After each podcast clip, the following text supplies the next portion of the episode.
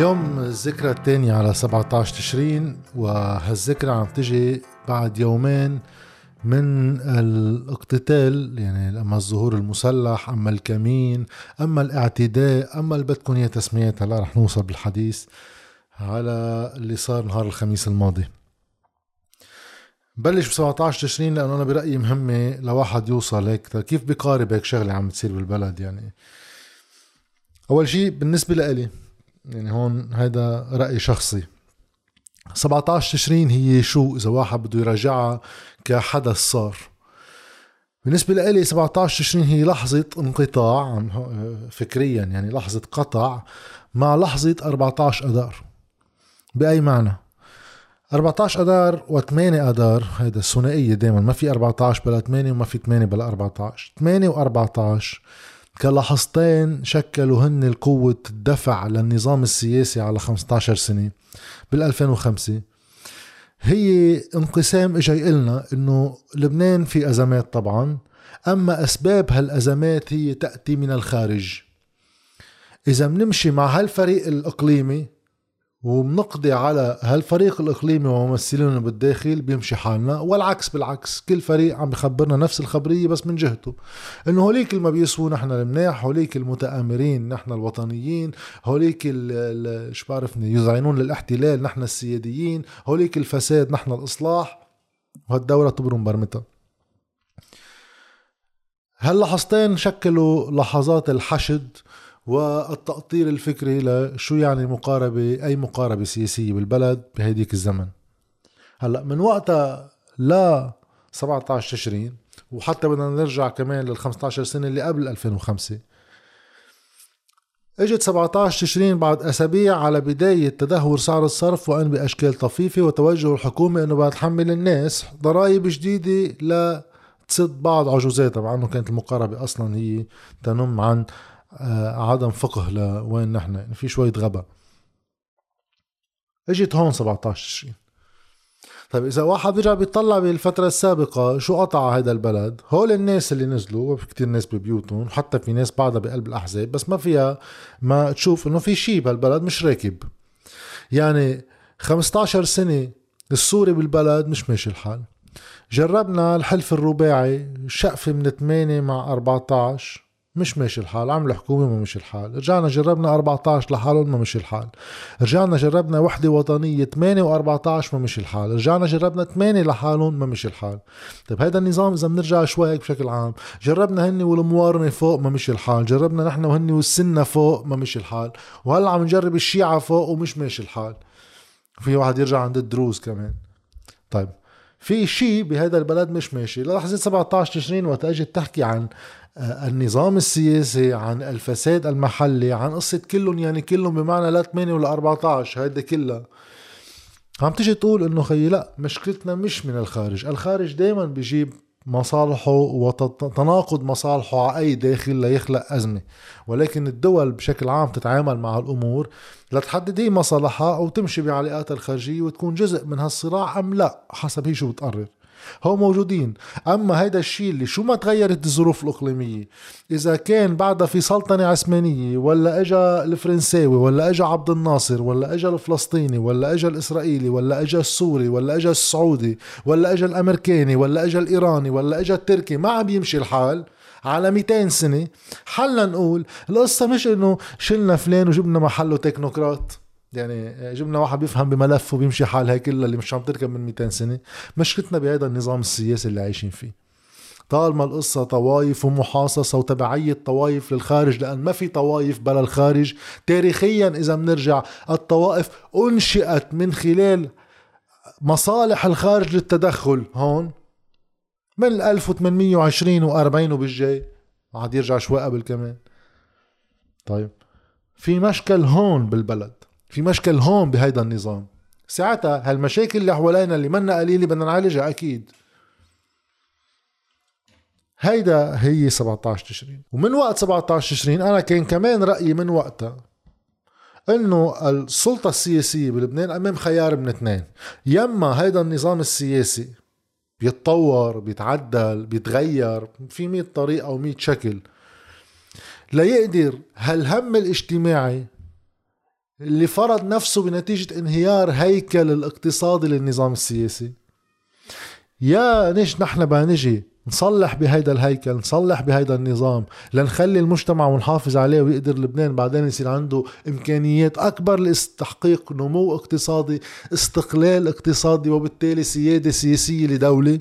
يما نجي بنقول هيدا الهيكل بدنا نحافظ عليه ولو على حساب تبديد المجتمع وهذا اللي عم بيصير له سنتين من خلال مراكمة الخسائر على الناس وتهجيرهم من البلد على أساس إذا بنفلل الناس اللي مش من مكان بيقدر يفل بنفلل هول الناس من البلد أول شيء بنخفف بعض المشاكل الاجتماعية اللي بتنشأ بنتيجه الأزمة من بطالة وقلة قدرات شرائية وقلة توظيف بالبلد بنتيجه الح... بنتيجه الأزمة.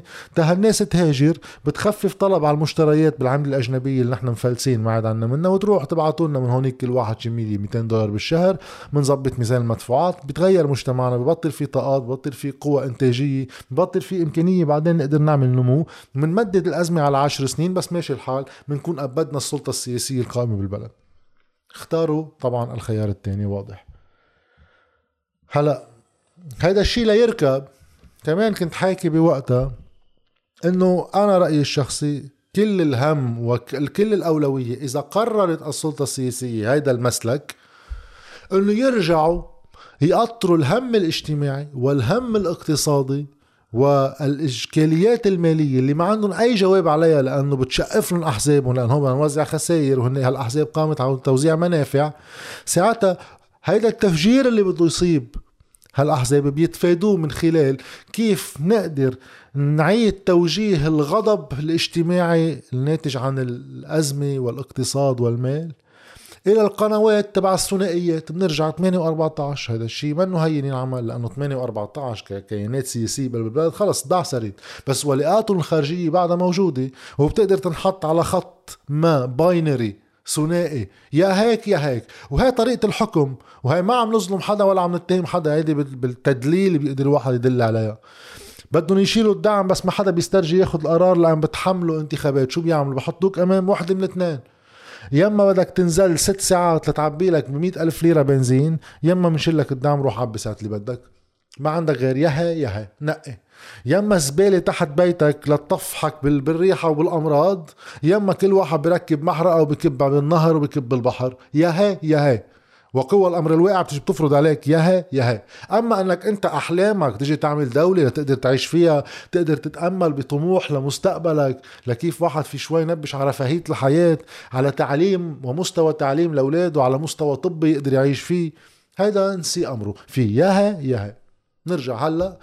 من وقت ما تألفت الحكومة كان أنا بالفيديو اللي هلأ رح أرجع أحط هذا اللينك لأنه يعني رأيي أنا صالح لا يزال. أول ما تألفت حكومة نجيب مئاتي اللي هي رهان على تسوية إقليمية قد تنجح.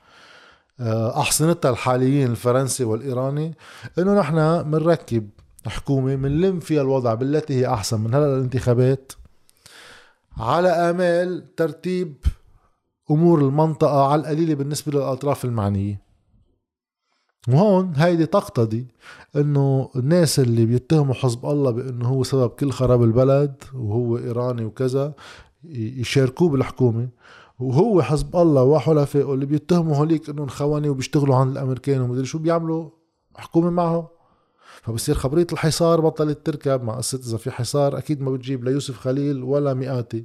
وخبرية إنه سبب كل الأزمة هو حزب الله بطلت تركب ما أنتم عاملين حكومة معه هذا نادي رؤساء الوزراء السابقين والمفتي وكذا. وبهداك الفيديو قلت إنه هيك تسوية تقتضي إنهاء ملفات عالقة معقول تأثر على التوازنات بين هالفريقين اللي اتفقوا.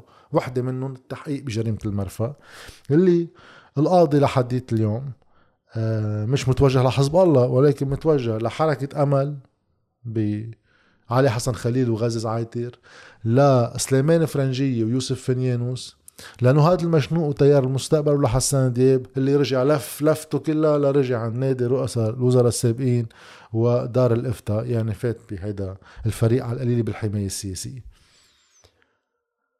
okay أخذ حزب الله المبادرة يعني هن بلشوا قبله إنه هذا المشنوق وسعد الحريري نبيه بري وعلي حسن خليل غازي زعيتر وسليمان فرنجية. هيك بلشت. بس لحظة الصدام الكبرى كانت وقتها بآخر كلمة ل أمين عام حزب الله السيد حسن نصر الله بيقول فيها أنه وصلت معنا لهون منه بدنا نخلص منه كذا وشفنا المشاكل اللي صارت بمجلس وزراء اللي بتوصل لمحل إنه وزير مفروض هذا كان قاضي كمان فوق الدكة مش بس وزير وكان قاضي ها؟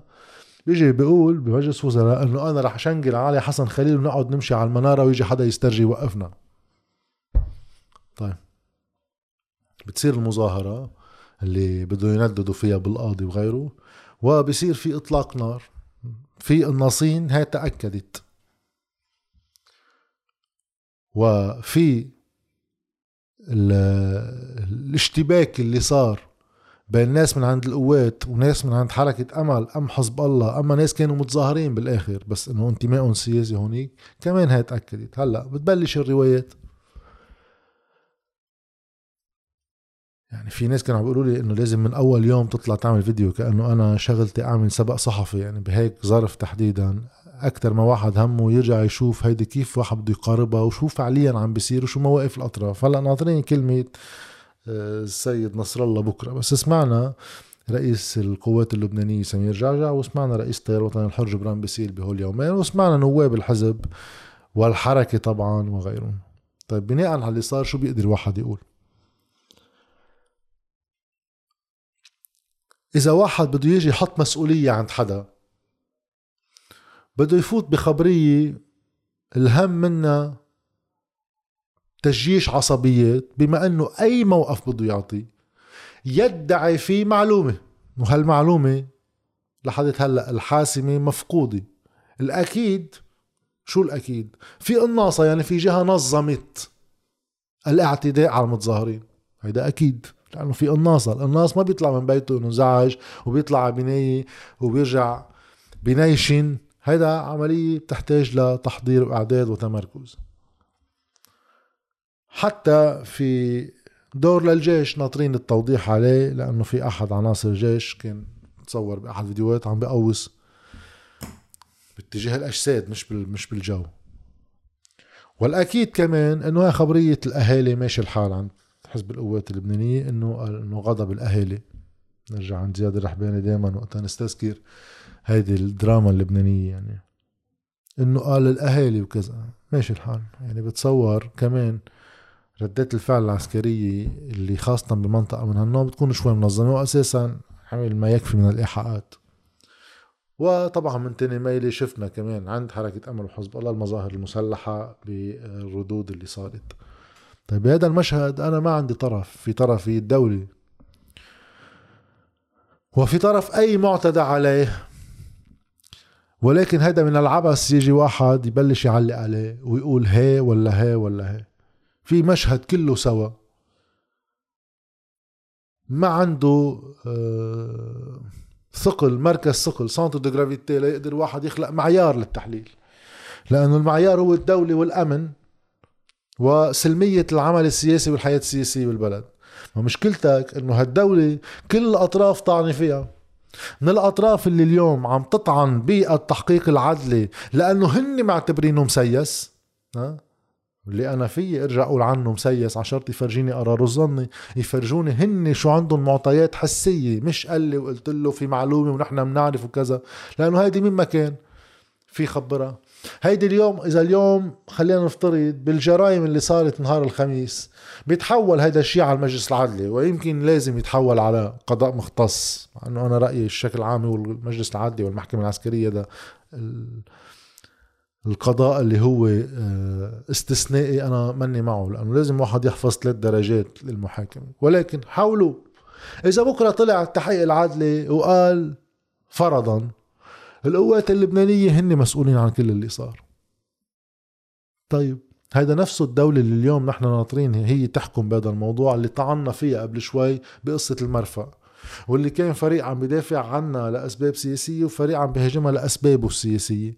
إذا انقلبت الحكاية شلنا الدولة كمرجعية. أكيد في مسلحين من الفريقين.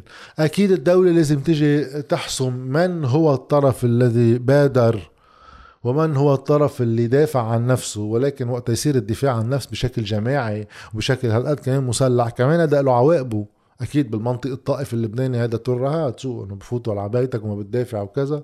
أي بالمنطق الطائفي اللي هو يعادي الدولة كمشروع أكيد بيكون معهم حق ويكون خطابهم جدا مقنع. بس ما كل واحد من هالأطراف عم بيصور حاله إنه المشكلة بالفريق الآخر وهو يمثل الدولة اللي نحن عم نتمناها. فهون الحديث ما لا طائل منه. في ناس اعتدي عليها كمتظاهرين سلميين وكل البقاوى اللي قتلوا واللي تدمرت ممتلكاتهم ام سياراتهم أيضا اعتدي عليهم. ويجب التحقيق بهيدا كله والمحاسبة على هيدا كله. حدا مقتنع بهالدولة اللبنانية إنه هذا الشيء رح يصير؟ أكيد لا. طيب. بس خلاصة هيدي اللحظة السياسية خطرة للغاية لأنه نشيلوا لكم من هالأبهيات كلها اللي سمعناها على التلفزيون آخر ثلاثة أيام أربعة أيام كل واحد عم بجيش جماعته آه ورح أقول لكم ليش أنا برأيي إذا بنشيل هالأبهيات كلها برأيي الشخصي أطراف النظام بأكثر حالات أزماتهم. بس قارنوا بين الزعماء يعني المعنيين بالقرار السياسي وحسمه وبين جماعة الصف الثاني والأبواق الإعلامية عند كل طرف اللي طلعوا على التلفزيونات وكذا. لاحظوا الفروقات بكيفية التصريح وسقوفه. عند القوات كما عند أمل كما عند حزب الله بشكل أساسي هو ثلاثة بيطلعوا جماعة الصفوف الدنيا يعني على هذا بأعلى سقوف ممكنة. سمير جعجع بده ينحبس آه، نصر الله إرهابي. آه، ما في شيء ما سمعناه آه، عمالة قتل إجرام. كل التهم اللي معقول وعد يحطها حطها. من هون. هلأ نطلع درجة لفوق وبنسمع لحد هلأ. سمير جعجع جبران باسيل وبعض نواب حزب الله. وقت واحد يصير بالصف الأول. هيدا في مسؤولية سياسية لأن هون بطلنا إنه بنطلع واحد على التلفزيون قريب منا بيقعد بهيج جماعاتنا كرمال تنشد لهم عصبهم وكذا. لا هون صار في مسؤولية إنه أنا إذا قلت شغلة من هالنوع تستدعي فعليا استنفار من قبل الفريق الثاني وما عود تاخذ على مشكل بصير في هيدي اللعبة اللي هي الدقيقة اللي مفروض يلعبها كل زعيم من زعمائنا.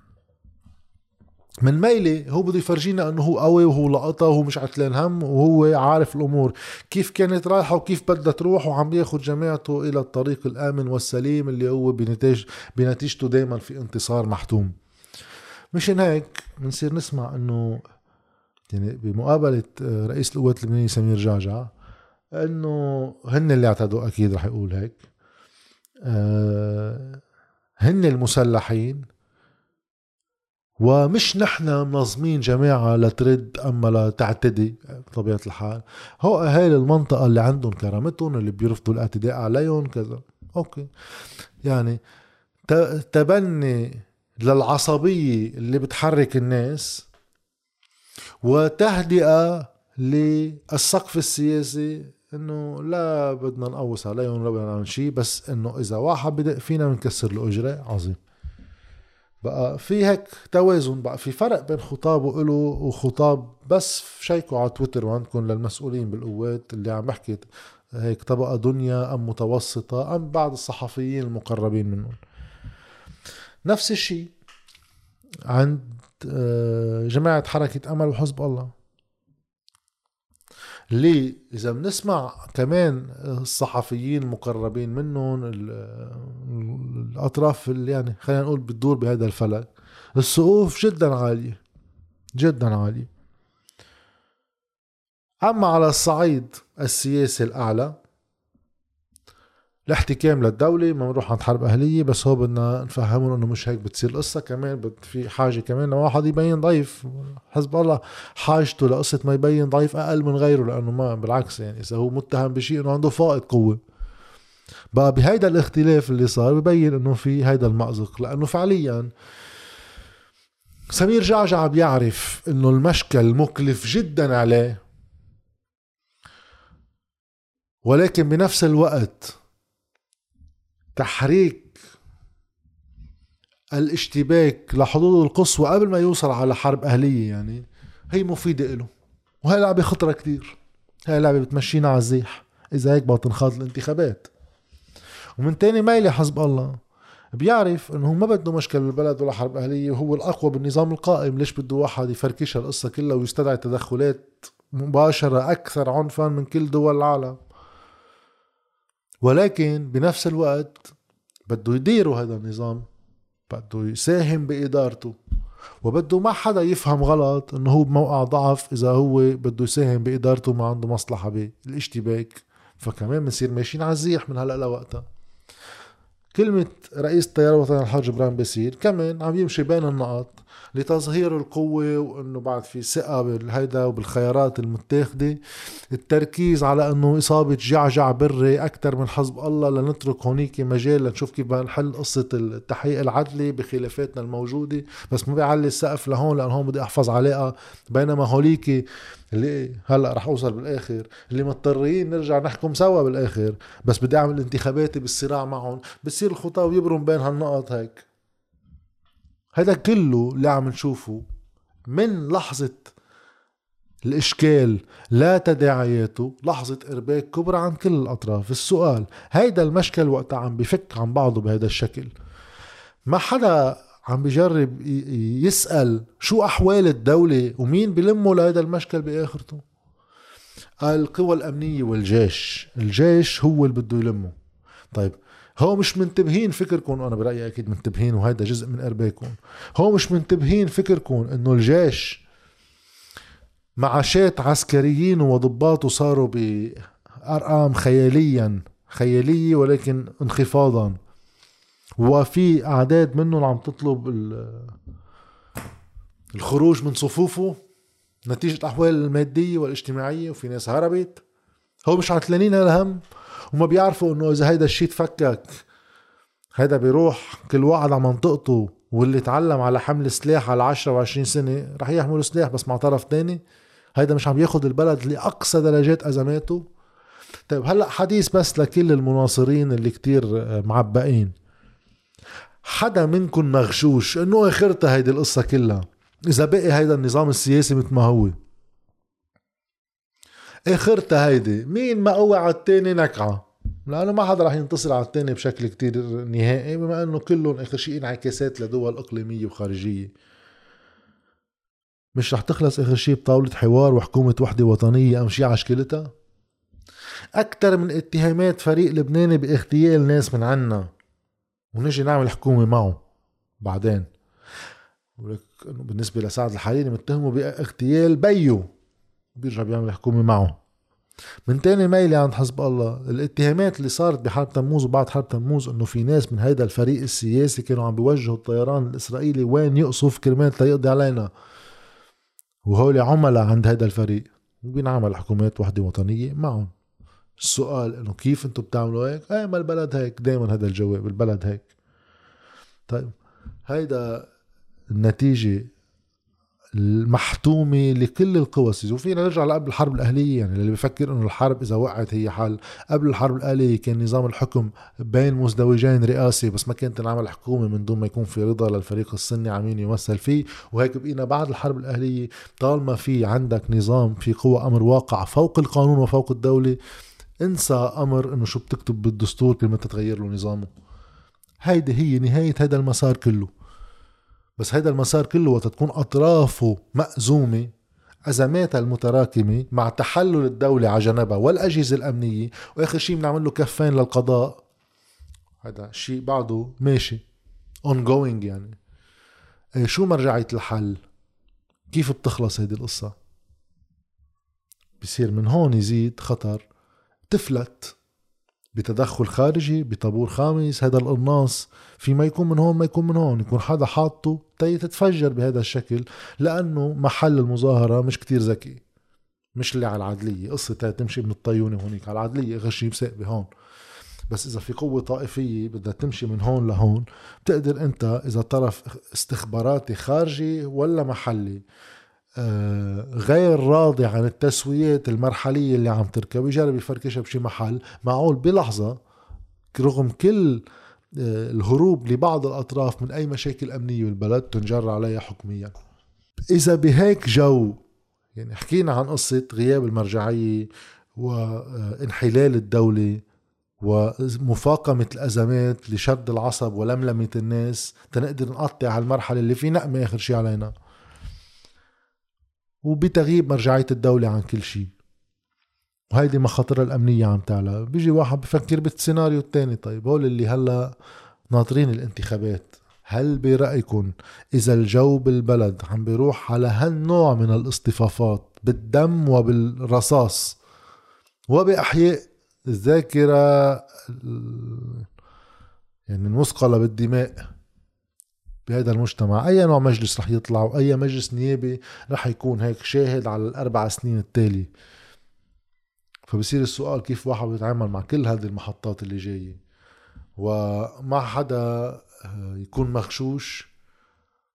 وهذا الحديث لازم يوجه لقوى السلطة أكثر من قوى المعارضة. قوى المعارضة هلا بعد منا بموقع التأثير إنه هالأزمات المتتالية واللي عم تهدد البلد كله سوا هل في حدا بعد عنده أي شك إنه في إمكانية لقيام دولة بهالتوازنات المحلية؟ اللي معقول تاخد على اقتتال؟ اللي عم بتخلي المؤسسة الأمنية تتحلل والمؤسسة القضائية تتحلل وإدارة الدولة تتحلل والوضع المالي يتحلل؟ ما يبقى في شيء. لنقدر نلم هالمجتمع عليه نلزقه ببعضه ما يفرط. هل خيار حكومة نجيب مئاتي بهذا الظرف كان خيار موفق؟